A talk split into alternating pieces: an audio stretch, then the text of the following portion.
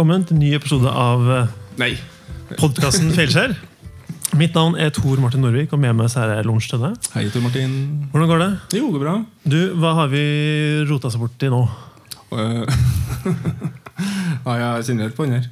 Nei, vi er, sånn Generelt så har vi rota oss borti det å gå på noe feil skjær sjøl, tror jeg. Ja. Ja, vanligvis sitter vi jo i eh, femte etasje Det er Snorre, som er lydtekniker, som sitter der. Og eh, der er det veldig behagelig, for det er ingen som ser på oss. Men i dag så skal vi prøve å gjøre det med folk. Ja. Men vi er jo ikke de eneste gærningene som har takka ja til det her. Vi har med oss noen gjester. Mhm. Og eh, i dag så har vi med oss to stykker, og begge har doktorgrad. Den ene har Det er mer ikke doktorgrad oss, for å si det sånn. Ja. Den ene har doktorgrad i sosiologi, og den andre har doktorgrad i fuckups. Vi, vi starter, vi, og vi har tatt utgangspunkt i to som har vært med oss før. og har veldig, De to episodene er egentlig de som er mest lytta på. Så det er veldig mange som har hørt på de før. Og da tenkte vi at da er det gøy å få samla de. Og dagens første gjest er Julia Navarsete. Hun er gründer på godt og vondt. Hun har med seg noen konkurser i bagasjen, men så er hun også en fersk prisvinner som årets ungelige entreprenør her i Trondheim. Hun var med oss i episode åtte, eh, hvor hun snakka om et skikkelig kinderegg av en fuckup. Det var 20 millioner som for rett ut av vinduet pga. dårlig deal i Singapore. Så da ønsker vi velkommen til Julia.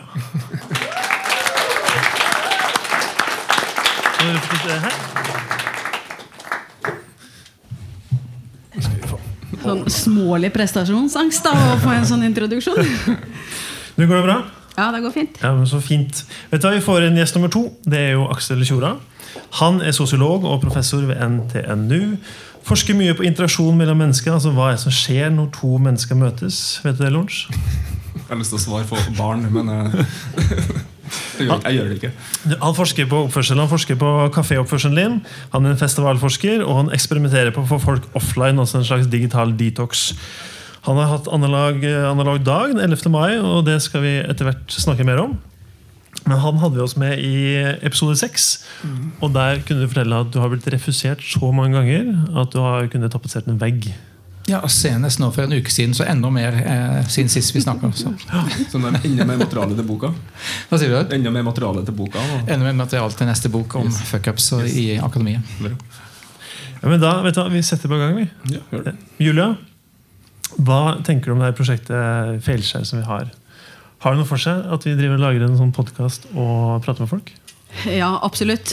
Eh, Jeg må jo si at eh, jeg syns jo de er knallmodige sjøl.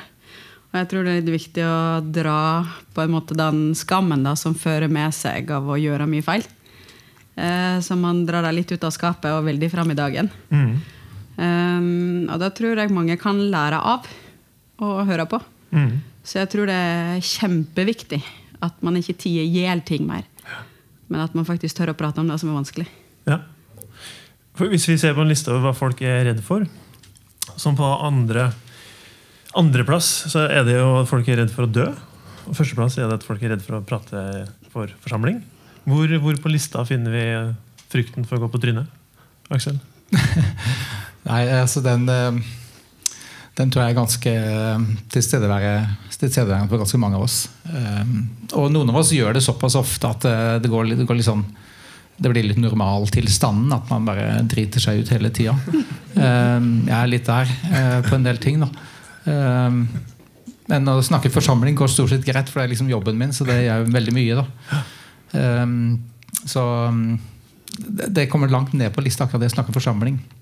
Og fuckups, det bare er der som sånn konstant liksom sånn popper opp i e-posten at det var ikke bra nok nå heller. Så, så det, er bare, det er bare sånn. Ja. Eh, Julia, hva mener du er verdien av det å gå på trynet? Altså feiling. Eh, kunnskap. Enormt mye kunnskap. Og det er jo litt sånn hvis man eh, Hvis man bare hadde hatt eh, bakoppskriften hele tid, eh, så lærer man jo ikke på en måte å lage sin egen formel på hvordan ting skal gjøres. Men når du på en måte Man er nødt til å gjøre feil, og man er nødt til å gå utafor eh, stien, eh, som på en måte eller motorveien som alle kjører på. Hvis man skal greie å skape nye muligheter og nye veier. da. Fordi min vei er jo veldig annerledes enn din vei. Og hvis jeg på en måte Mennesket i seg sjøl er jo veldig flokkdyr. Så vi liker gjerne å kjøre samme bil som naboen, ha samme hund som naboen. Altså Barna skal gå i det samme. Altså det er veldig mye Vi vil ha en tilhørighet. da. Så det er på en måte å være mer tro mot seg sjøl og gjøre det man på en måte føles riktig for meg, og ikke prøve å etterligne deg. Mm. Det tror jeg er ganske viktig. Jeg tror mange kunne fått det veldig mye bedre hvis de slutta å prøve å ape etter alle andre. Og hva alle andre forventer at man skal få til. Men heller bare prøve å fokusere på seg sjøl og sin egen vei. Ja. Vi, vi prater jo mye om det i podkasten her, Lunsj. Mm. At uh, uten feiling så fins det ikke noe innovasjon og ikke noe kreativitet. Og så drev jeg og googla meg frem. Da, okay, hva er det som har blitt skapt av at uh, man har fucka opp? Altså hvilke, hvilke oppfinnelser finnes pga. at noen har gjort en feil? Eh, og noen av de er potetgull og Coca-Cola og radioaktivitet. Post-it-lapper. Hadde ikke vært for fuckups, hadde ikke hatt noe sprint. Vi hadde ikke hatt noe å skrive ideene på. Og, og penicillin det er også basert på noen som gjorde en feil. Det var En som drev og forska på stafylokokker, og så putta han det i en skål, og så tok han sommerferie. så Når han kom tilbake, så tenkte han at skåla var full av liksom, bakterier. Men da hadde det utvikla seg en form for eh, mugg som da har måtte, holdt her veksten nede. Og muggen var liksom første spor til antibiotika. Eh, Aksel, på NTNU, hva gjør dere der for å på en måte sørge for at man jobber med feiling for å kanskje oppmuntre til innovasjon? Så Noen, uh, inkludert meg sjøl, vil si at hele NTNU i dagens tilstand er en ren fuckup. Men uh, uh, ja, jeg vet ikke, Du har ikke slump engang. Hadde denne vært det, så hadde det vært bedre. ikke sant? Planlagt fuckup. Men utover det så kan du si at hele det akademiske systemet er jo veldig lagt opp til at man skal la en 10% passere. Om det er en søknad til Forskningsrådet eller det er en artikkel til et tidsskrift, så ligger det da i kortet at ja, ikke 90% av det man leverer, det får du tilbake med en sånn sur tilbakemelding at det her var ikke bra nok. Mm. I mange sammenhenger med en konstruktiv tilbakemelding. altså Hva kan du gjøre for at det her skal bli bedre? Eh, så, det, så I det så ligger det veldig mye læring. Eh, Så hele, hele forskningsverden, eh, særlig liksom den delen av NTNU som handler om forskning, eller hele eh, akademiske virksomheter, er jo egentlig basert på eh, at man skal liksom drite seg ut hele tida og få det tilbake i fleisen. Det som er på en måte kanskje problemet her, da, og det er derfor at Feilskjær-podkasten er en god idé, det er jo at man forteller jo veldig lite man forteller jo veldig lite om, om, om fuckups. Jeg sier til mine stipendater eller mastergradsstudenter som jeg veileder, eh, særlig stipendater, fordi jeg er bedt om å skrive artikler og sånt, jeg forteller om eh, hvor mange refusjoner eh, jeg har. Ehm, Det vil si, jeg gjør ikke det, for jeg har ikke telt alle. Eh, Men det er, men det er tresifra, så det er, det er mange. Eh, Bare for å, at man ikke skal gå og føle at det er første gangen man får en refusjon. Jeg har jobba kjempemye med en artikkel eh, og med forskninga bak den, og så får man tilbake at eh, det her er ikke bra nok. Og det er ofte liksom, det er side på side med alt som ikke er bra. Eh, så det føles veldig, veldig ubehagelig. Um, og jeg har på en måte tatt inspirasjon av det her feilskjære, feilskjære liksom. Og førstkommende mandag så har jeg et seminar for, eh, for 50 stipendiater på fakultetet. Og bedt eh, ulike kolleger fortelle om sine fuckups og refusjoner og sånt. Eh, og sette det i system, rett og slett.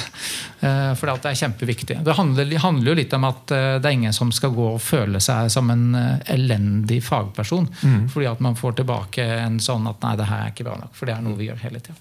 Det er jo kjempekult. Vi hadde jo en innovasjonsleder på podkasten hvor han sa det at han skal jobbe med det som er kanskje midlertidighet, og ikke det her evigvarende perspektivet som det akademiske er på NTNU. da. Så Det virker som et skifte hos dere også, på at man skal åpne opp for måte litt kortere pucker og ja, inkludere oss som er utafor òg. Ja, ja, flest mulig fuckers på kortest mulig tid. Ja, eh, altså, det er klart at eh, det er en forventning, eh, særlig på et eh, universitet som NTNU, som har en sånn teknologiprofil også, at man, man greier å utnytte kunnskap og forskning og også studentarbeider i å utvikle nye, gode ideer. Og for å utvikle nye, gode ideer så ligger det jo kort at man må utvikle fryktelig mange dårlige også. Så det er liksom en del av den, eh, det gamet. Ja, det syns jeg det er veldig sånn bare stikka inn at eh, I forhold til man prater om mentorer og støtteapparat og sånn eh, Jeg må si at eh, hadde Thomas Edison levd i dag, så kunne jeg godt eh, tenkt meg å gitt han en god klem. Mm. jeg syns eh, en av hans utsagn med at menneskehetens på en måte største eh, svakhet. da. er at vi gir opp for fort. Så hvis, altså, Fundamentet i suksess ligger jo at man prøver en gang til. Og selv, selv om det går på ræv, så prøver man på en måte en gang til og en gang til. Og en gang til. Og det er på en måte sånn man lykkes. Og da, da har det vært mye eh, trøst i mange tunge stunder. Kan man lære seg å gå på ræv? Ja, definitivt. Ja. Ja. Eh, Man lærer seg, da. Og ting som man kanskje, når du skal gjennom hele følelsesspekteret, da, med sinne, sorg, trist, lei, eh, låse seg inne, fosterstilling altså Alt det der, og nå skal du jaggu kjempe på igjen. Eh, hele den sirkelen tok kanskje i starten da, kanskje det tok månedsvis å komme seg gjennom hele den følelsessirkelen. Og nå så bruker jeg sånn ca. 48 timer. Ja. Så det er liksom etter 48 timer, hvis jeg har fått en skikkelig dør i trynet, eh, så kan jeg være litt sånn eh, 48 timer hvor jeg bare Å, fy fader, Julia, du er helt sjanseløs. Eh, og litt eh, tårer og litt sånn her. Og så kommer på en måte den derre Nei, nå jaggu skal vi kjøre på, ja. Jeg tror det må være litt sånn eh, Jeg har tenkt litt på at du må jeg, jeg tror kanskje det var noe feil med meg. Så jeg tenker at jeg tror nok egentlig at jeg er en sånn hybrid av en løvelakk. Eh, og løvelakk det er da altså løvetann og kakerlakk. Eh, og da tror jeg, hvis du har litt av det i DNA-et, så tror jeg du blir bare fryktelig seig. Og ekstremt utholdende. Og du gir deg jo aldri. Men hva, hva sier du? For du har jo vært eh, i juryen til Ungt Entreprenørskap. Og jeg vet at du er veldig opptatt av å skape sånn albuerom til de, de yngre. Hva sier du til de? Ja? Hvordan de skal liksom forberede seg på sånn voksenliv med et eller annet eh, prestasjonsnivå og egentlig ikke så stort rom for å gå på trynet? Jeg har jo sittet i juryen der og vært mentor for deg nå i ja, over tre år ca. Um, og det er fryktelig altså Det er jo ekstremt sjarmerende, da, det må jeg jo si. Å se liksom ung eh, naivitet i full blomst. Eh, og så tenker du sånn Å, herregud, du skal møte mye vegger før du på en måte er i mål.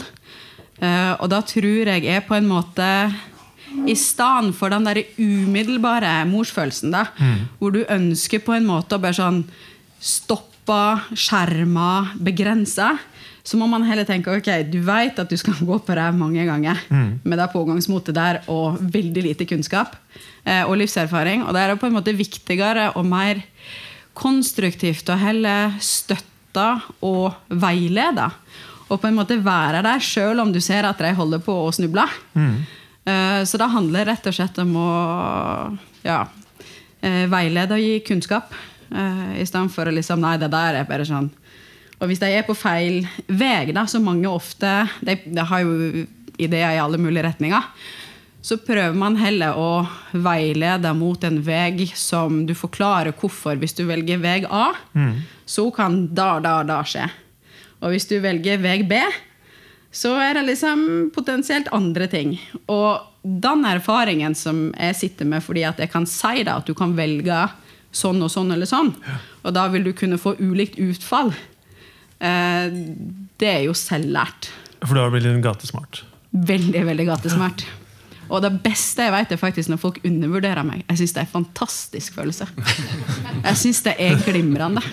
For det har ingenting å si altså Det forteller ingenting om meg.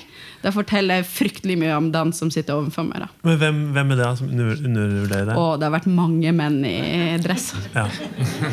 Ja, har vært. Veldig mange. Unnskyld. Eh, men eh, generelt så er det jo veldig mange menn som jobber i i de sektorene som jeg har vært i, og eh, mange helt magiske og superflotte folk. Men eh, ofte så er det jo liksom I begynnelsen så ble jeg jo veldig sånn, jeg ble utrolig provosert. At det åpenbart var off at jeg var kvinne. Eh, og da irriterte det meg veldig.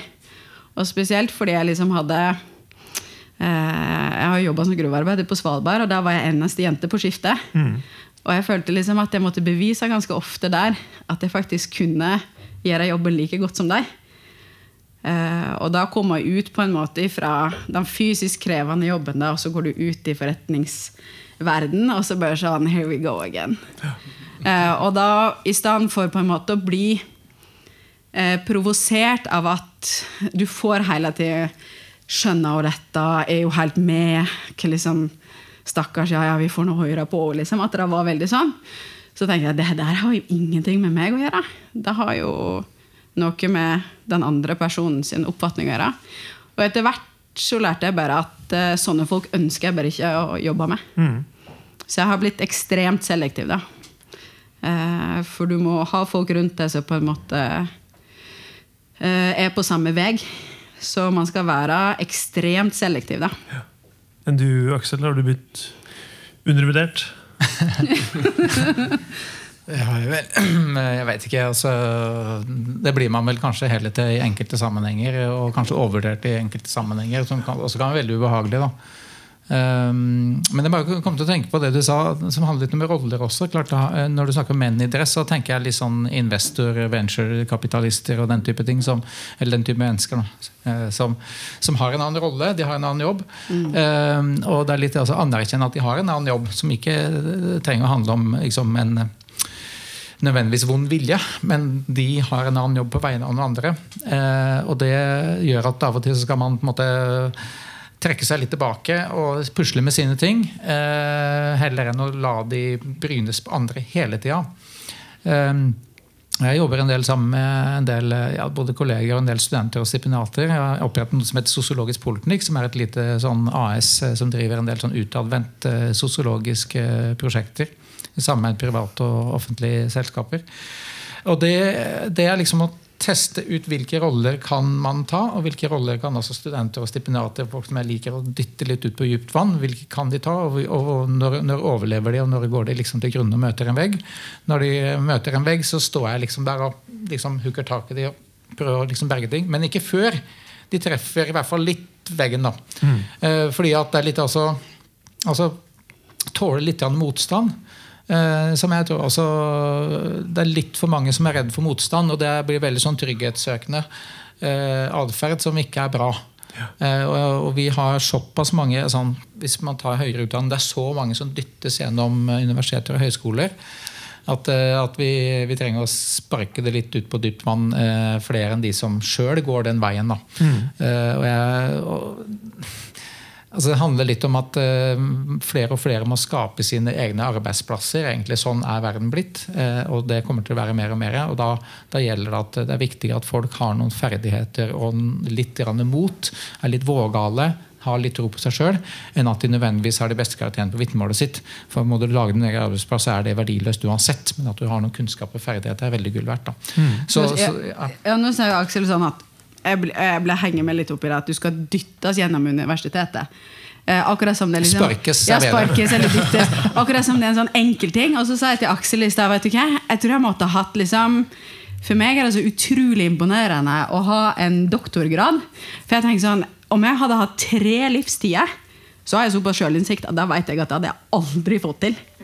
Så innsikt har jeg. altså. Det er ikke snakk om. jeg kan trøste med at de som har doktorgrad, er veldig mye de ikke får til også. Ja, det er liksom, og For meg så er det nesten større sannsynlighet at jeg tror at jeg kan flytte fjell, enn at jeg kunne fått til en doktorgrad. Eh, og derfor er det liksom eh, Jeg syns det er ekstremt imponerende. Og jeg fant jo en fysikkprøve her ifra eh, fra ungdomsalderen som jeg sendte til lunsj. og Tor Martin var bare sånn Ja, to pluss, eller hva det var? liksom Ja, det er godt at liksom Undervurdert, da. Hæ? Undervurdert, for å si sånn. Ja. Var det ikke noe oppgave der om å flytte fjell? da? Nei, det var ikke det. det var... Sin doktorgrad om hvordan flytte fjell. da. Ja. det er jo sånn, Og det er da som er hele greia, at hele skolesystemet tror jeg bare sånn jeg greide aldri å omfavne det, for jeg passa ikke inn i noen boks. Fordi alt skulle ha to streker under svaret. Og jeg hadde jo ikke lyst på to streker under svaret, jeg hadde jo lyst på eventyret og liksom oppdagelsen. Og lære masse praktiske ting. da. Mm. Og da følte jeg liksom skolesystemet ga meg ikke det. Sorry. Og jeg liksom, jeg syns det er fantastisk å samarbeide med deg. Men det, det er jo sånn Eh, altså En av professorene jeg samarbeider med der oppe i forhold til testing av teknologi, det har jeg gjort et par runder nå. Og da bygger jeg jo teknologien, og så sier jeg sånn Vær så god, eh, masterstudenten kan bare herje på og kjøre på. Og så er vi heldige og på en måte får et godt samarbeid og får dokumentasjon og testing på det. Det er kjempelærerikt. Eh, og så fikk jeg liksom spørsmål ja, Julia, skal ikke du liksom komme opp og ta noe fag. da? Jeg bare sånn, Nei, hvorfor skal jeg det? Og så sa han sånn, ja, men da kan det være greit å ha liksom formell utdanning. og sånn. Så sa jeg jeg vil jo ikke det. Jeg blir jo akkurat sånn som dere. Jeg har jo ikke, jeg har jo lyst til å bare være uvitende. Og skape ting som på en måte er sagt ikke være mulig å få til. Det er jo det som driver meg. Så Ikke forholde deg til boksen? Nei, ikke bli en jeg, del av jeg, jeg tror ikke jeg er sånn boksbar. Men det er jo veldig mange av det du sier altså sånn, Når du sier det vil være uvitende Jeg tror ikke det er uvitende. Du bare velger en annen tilnæring til kunnskap og ferdigheter. Ja, mer praktisk. sånn. da. Læring og feiling. Ja. læring og feiling, men det som er liksom problemet det er en del av den formelle kunnskapen, er at du blir veldig opptatt av hva du ikke kan. Ikke sant? Du, du blir veldig opptatt av grensene for hva du kan. Og jeg må bare innrømme at jo, mer man har holdt på, jo verre blir det. Altså, en ting er at, en ting er at mastergradsstudenter blir opptatt av det, men som professor så er det mye verre. Man bare har så utrolig god innsikt i hva man ikke kan. Ja, Det er ganske ubehagelig. Eller er deg opp om natta, eller? Ja, faktisk. I dag så våknet jeg klokka fem, måtte stå opp og så bare sitte og skrive ting. eh, For at det er veldig grunn å tenke. Så det er veldig ubehagelig. Får ikke sove. Nei, det er ikke bra. Vi skal ha et lite sceneskifte. Vi, vi har jo snakka med deg om eh, det her med offline-prosjektet ditt, Aksel. Det er analoge dagen også, som du har hatt nå. Hvis vi tenker at ungdommen som vokser opp nå, er smartere enn oss, for de har liksom tilgang til så mye kunnskap via denne mobilen. De har liksom alltid kunnet hente ut et eller annet fra internett. Men du vil jo sende denne gjengen her på detox. Og så hjelpe de å kanskje koble seg av det her uh, digitale Ja, altså jeg mener Man blir ikke særlig smart av Google. altså Da blir man bare overvåka og ikke særlig smart. Uh, og det er ikke særlig smart å la seg overvåke selv til heller. Uh, men altså ideen med analog da Jeg er litt usikker på om analog da var en fuck-up eller ikke. Hadde noe sånne, nei det hadde jeg ikke. Jeg hadde jakka mi. Sånne, ideen analog dag, det var 11. mai. Ideen var å på en måte få folk til å koble seg av. Så kjørte vi allierte oss med haugevis av folk. Næringsliv, eh, liksom Midtbyen Management, en del kafeer, biblioteker, gallerier, museer og rundt omkring som var med på det. Eh, og ideen var på en måte ok, la oss nå prøve å koble av byen. eh, av nettet. Egentlig så er jo, Vi, vi starta liksom i Trondheim, for da har vi på en måte nettverk. og sånn, Men ideen er jo selvfølgelig at det skal være globalt. Litt sånn Earth Hour, men det er, det er knytta til internett og én dag i stedet. da. Det, det, blir etter hvert, hvis vi lykkes. da. Um, litt så, tanken er at eh, liksom løfte blikket litt, se på folk. eh, gjøre andre ting enn å, enn å bare være på mobilen eller et nettbrett. et eller annet. Eh, så var det liksom å gjøre alternative ting som er arrangert i byen. altså Alt fra å bygge insekthotell til eh, altså Visste dere at det finnes noe som heter Norsk Scrabble-klubb? De hadde en egen, eh, de hadde en egen sånn eh, samling et sted. Og sjakklubb og spillklubber og mye sånne ting som poesislam på Cinemateket. og litt sånne ting. Så ideen var på en måte å egentlig sånn bevisstgjøringsprosess. Litt sånn aktivistisk sosiologi, hvor vi tenker at ok, la oss se om vi greier å få folk til å legge bort de digitale mediene for noen timer eller kanskje en hel dag, og se om det, det gjør noe. Ehm, Så er det jo sånn at eh, Hvor mange som deltar på det her, er veldig varierende. Eh, Men jeg vet veldig godt at man har godt av det. Jeg kjører det her med mine studenter hvert eneste år en sånn dag. Og jeg merker jo at de, eh, de gruer seg fryktelig for å være én dag uten nettet. Eh, altså Tilbake i 2012 og 2014 kjørte jeg to sånne prosjekter hvor jeg fikk deltakere til å være ute av nettet eller borte fra internett i tre uker. Og det gikk an da. I dag så er det helt umulig, fordi liksom, man har så mye smarttelefonapper og sånt. Eh, Jeg holdt jo på å gå helt bananas i formiddag, for jeg skulle ta bussen, og så hadde jeg en ny telefon. Eh, Jeg har ikke noen smarttelefon, men jeg har en ny telefon. Den har så jævla knotete brukersnitt på. Det, jeg tror bestefar min det kan sånn. kjøpe ja, Ikke plag meg, men kona mi sa la ut på nettet når jeg hadde kjøpt den der telefonen, som er en ganske fancy knapptelefon. La ut eh, liksom en sånn, sånn på Facebook at eh, Aksel har kjøpt seg en ny telefon. Det han ikke vet, er at den kommer fra Hjelpemiddelsentralen. Og, og det verste var jo at en del av de som så den Facebook-oppdateringen, trodde at den var fra Hjelpemiddelsentralen. Det syns jeg var ganske fornærmende. Men, men litt av poenget var at jeg, jeg fikk ikke kjøpt meg Jeg måtte bort i en buss eh, sånn aut, aut, billettautomat bort til Munkegata for å komme meg på bussen i dag. Jeg skulle på Dravaventyr. Og jeg ble oppe å koke over av eh, irritasjon. Så det, det koster litt av og til å legge fra seg liksom ikke ha de her appene tilgjengelig.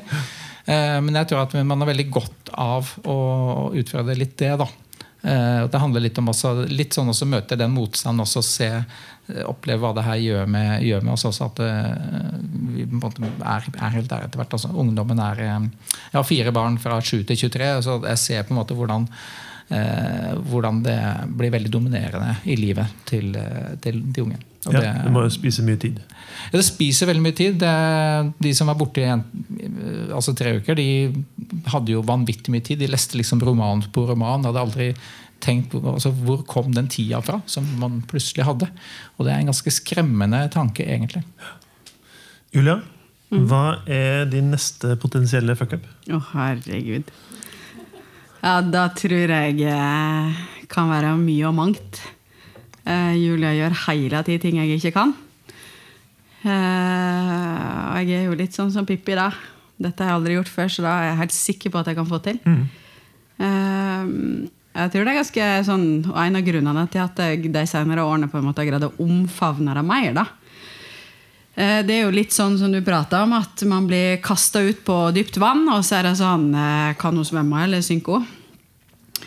Eh, og da tror jeg det er ganske viktig å ha fokus, da. På hva som er viktig. Og lyset i tunnelen, og ikke på hva alle andre rundt jeg måtte tro og mene. Mm. De som på en måte kjenner meg og står meg nær, veit vet jo at det er eh, hvordan jeg er. Og så kan du på en måte velge å ikke like det, eller så kan du velge å omfavne det. da. Og heller på en måte eh, bruke potensialet på en konstruktiv måte. Og det blir litt sånn eh, Jeg pleier å si at det er litt sånn flåsete, men eh, det er litt sånn at det er veldig mange som har lyst på Lamborghini eh, istedenfor en Lada. Men det er helt til du får verste Mm. Da har ikke du lyst på Lamborghini lenger. Eh, Så det koster å, å ha på en måte stor motor og høy fart. Eh, Det gjør det, men det er jo fryktelig moro hvis du liksom finner etter folka i pitstoppen. da. Og da tenker jeg litt sånn med, Vi prater om ungdom og sånn òg. For jeg måtte jo eh, Et annet prosjekt. Ja, fuck up, snakk om det. Jeg har, jo, jeg har jo hatt behov for å finne meg en kortreist hobby. Eh, og det, ordet kortreist er jo veldig populært, men jeg måtte finne meg en kortreist hobby. Eh, som på en måte kunne bedrive hjemme eh, etter barna var lagt, og som på en måte kunne ha glede mer enn bare akkurat når jeg drev med det. Eh, og da prater jeg med Katrine Vik Pedersen, som hun har vært hos dere, og hun er jo sånn plantedama. Og så sa jeg, vet du Katrine, jeg dreper jo alt, liksom. Ja, ja, men det er fordi du vanner deg for mye. Ja, men altså, det må jo ha vann. Hvis, altså, da blir jeg stressa hvis ikke jeg skal ha vann. Mm. Så jeg har jo liksom funnet ut at jeg har stort sett drukna alt jeg har hatt. Og det er jo ikke meningen å drepe fordi du drukner ting. Men jeg tenker jo at det er viktig med påfyll, da. Eh, og så for jeg opp, og så tenkte jeg sånn, greit. Det her er liksom litt viktig at uh, jeg prøver på. Skal jeg prøve en gang til og se om jeg får til det her. Jeg har alltid liksom hatt ønske å ha litt grønne fingre. For opp, eh, kjøpte meg noen grønne planter. Og så sier jeg sånn Ja, er det noe sånn viktig jeg skal passe på her? eller noe sånt? Og så bare sånn Trenger jeg å gjøre noe med potter? Er det liksom Helt sånn idiotspørsmål. Eh, planter fordømmes. Fins det noe sånn bok? Eh, nei, ingenting sånn. Greit. Du skal bare ikke røre potta, bare sett den sånn og vann den hver 14. dag. Og så sier jeg sånn Ja, så da funker det, liksom? Ja, da skulle ikke mer enn det til. Ok, greit. Så drar jeg jo hjem, og så sier jeg liksom Ja, nå har jeg fått dette her. Og så Katrine, da. Ja, du må jo, du må jo sørge for at du potter deg om. Og så sier jeg, hva er det du potter om? De sier at jeg ikke skulle potte om. Eh, altså, jo, du må jo gjøre det, Julia. Fordi hver, hvert år så må du liksom gjøre det en gang i året. Fylle på potte om til større potter for at jeg skal klare å vokse. Og da syns jeg er ganske sånn eh, Dra parallellen til ungdom, da. Altså, når hun sa det, så er det sånn Sjølsagt skal det jo pottes om. De må jo få mer plass, og de må få mer røtter. Og da syns jeg var veldig sammenlignbart med ungdommen. Altså, du må gi ungdommen større potter, da. De må få lov å lage lenge røtter, de må få lov å utfolde seg, ellers så vokser de jo ikke. Og så ikke drukner de, da. Men at de får lov å liksom få litt uh, næring og sånn underveis. Men det syns jeg var ganske sammenlignbart. da. Så fint. Ja. Uh, Lunsj, Ja. hva har du lært? Oi! Har du en oppsummering? Du, jeg har jo, vi har jo Pga. tidsknapphet her, så jeg sittet og bare lytta på deg. Så det er så fint. Eh, lært, jeg syns det er fantastisk fint å høre at en Aksel Aall annet sier at det, det har en funksjon, det er podkasten her. Eh, og så eh, ja, Det med å lære seg å gå på ræv, som du sier, det, det synes jeg veldig sånn, det, det har vi snakka med ganske mange om i podkasten. Det med å metodifisere det å gå på ræv. Det er en ting å ufarliggjøre det og ta bort skammen, men det at, at en skal teste grensene og, og, det var jo liksom bakgrunnen til at vi starta denne podkasten. Det å skal vi som kommunikasjonsbyrå og designbyrå ta og tørre å gi gode råd, så må vi tørre å teste grensene. Og da må vi vite at vi har det handlingsrommet. For Hvis vi begynner å seife hele tida, så blir det jaggu som vi gjorde i går. på en måte Så det er noe med denne, Og det er med kommunikasjon, det handler med innovasjon, det handler egentlig om ja, livet. på en måte Å være mm. trygg på at det er, det er ikke en fuckup hvis du tør å prøve noe nytt. Og det, og det, er derfor viktig å prate om den skammen her òg. Og så må jeg jo innrømme det at, det at vi har en person her nå som har prøvd å få en internasjonal dag på detoxing av Internett. Og det syns jeg er spennende, for vi har jo brukt Google litt ja, og funnet ut at det finnes jo et land, Finland. De har jo en egen dag for mm. fuckups. Så det må jeg utfordre deg på, Aksel. Kanskje vi skal få en sånn eh, en egen dag? Jeg tror ikke det holder med én dag. Altså. Begynne med en dag, Begynne med en dag. Ja, det, altså, ja. Så det, ja. Men det er fint. Det var en um, fin samtale der òg. Ja. ja. Uh, du har lært noe, du? Uh, masse. Mm -hmm. det, det, kan vi jo ta. Du er flink. Ja, takk. Snorre, har vi en liten vignett?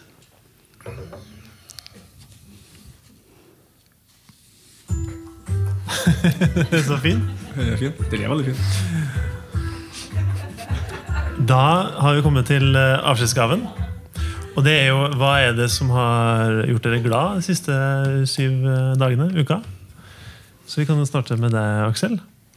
Ja, vi um har eh, måttet tegne en ny eh, leiekontrakt for sosiologisk poliklinikk. Vi flytter ved Bratteregate 8 til Kjøpmannsgata nummer 10.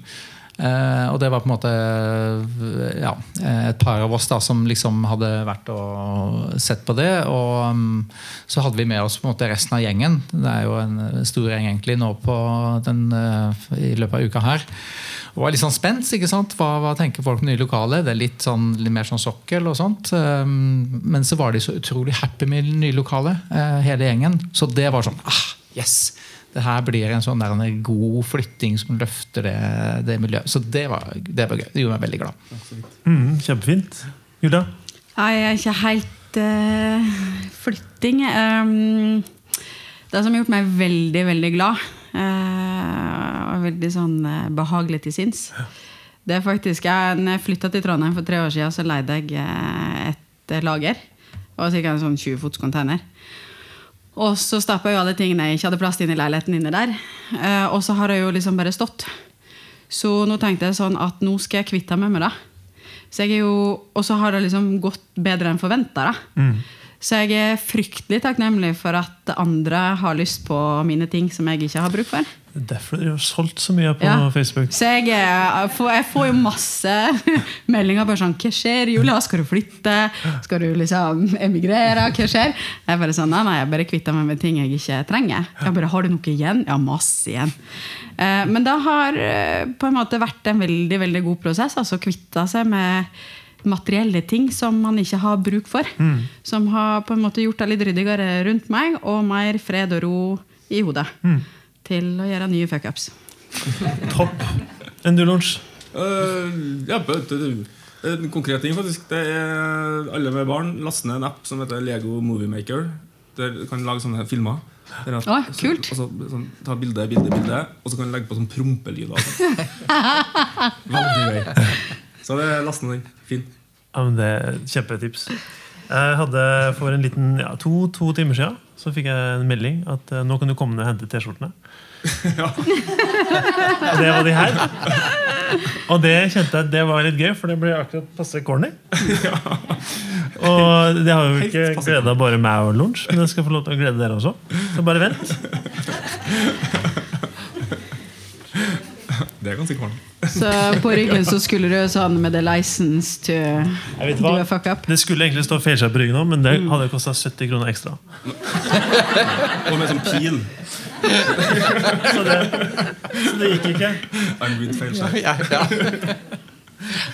Skal vi se. De er, ja, alle er jo like fine, faktisk. Så eh, Julia, tusen takk for at du ville komme hit i dag og prate. Tusen hjertelig takk for at jeg fikk eh, lov å komme. Vær så god. Det var veldig, veldig hyggelig. Og Aksel, se her. Den skal du få. Tusen takk. Det, er- det fins bare fem av. Så de er unike. Så, men hvis den dukker opp på Finn neste uke da Nei, nei, nei, nei, nei, nei. det lover jeg. Det gjør han ikke. Det Liksom. Jeg selger en nummerert klokke, jeg selger ikke T-skjorta. Ja, men det er fint. Det, vet du, er tusen takk til de som har vært der og hørt på, for at dere kom hit. Det er kjempehyggelig. Og takk til dere for at dere ville prate. Da tror jeg vi er ferdige. Får. Få det ferdig. Da, eh, Snorre, tusen takk for at du har fiksa og hjulpet oss med lyden i dag. Berga oss igjen. Eh, Denne podkasten er produsert av Uredd og Lydsporet Media. Og den her vil komme ut uke, noen uker frem i tid, tror jeg. Så da kan du kjøre vignett, og takk for oss.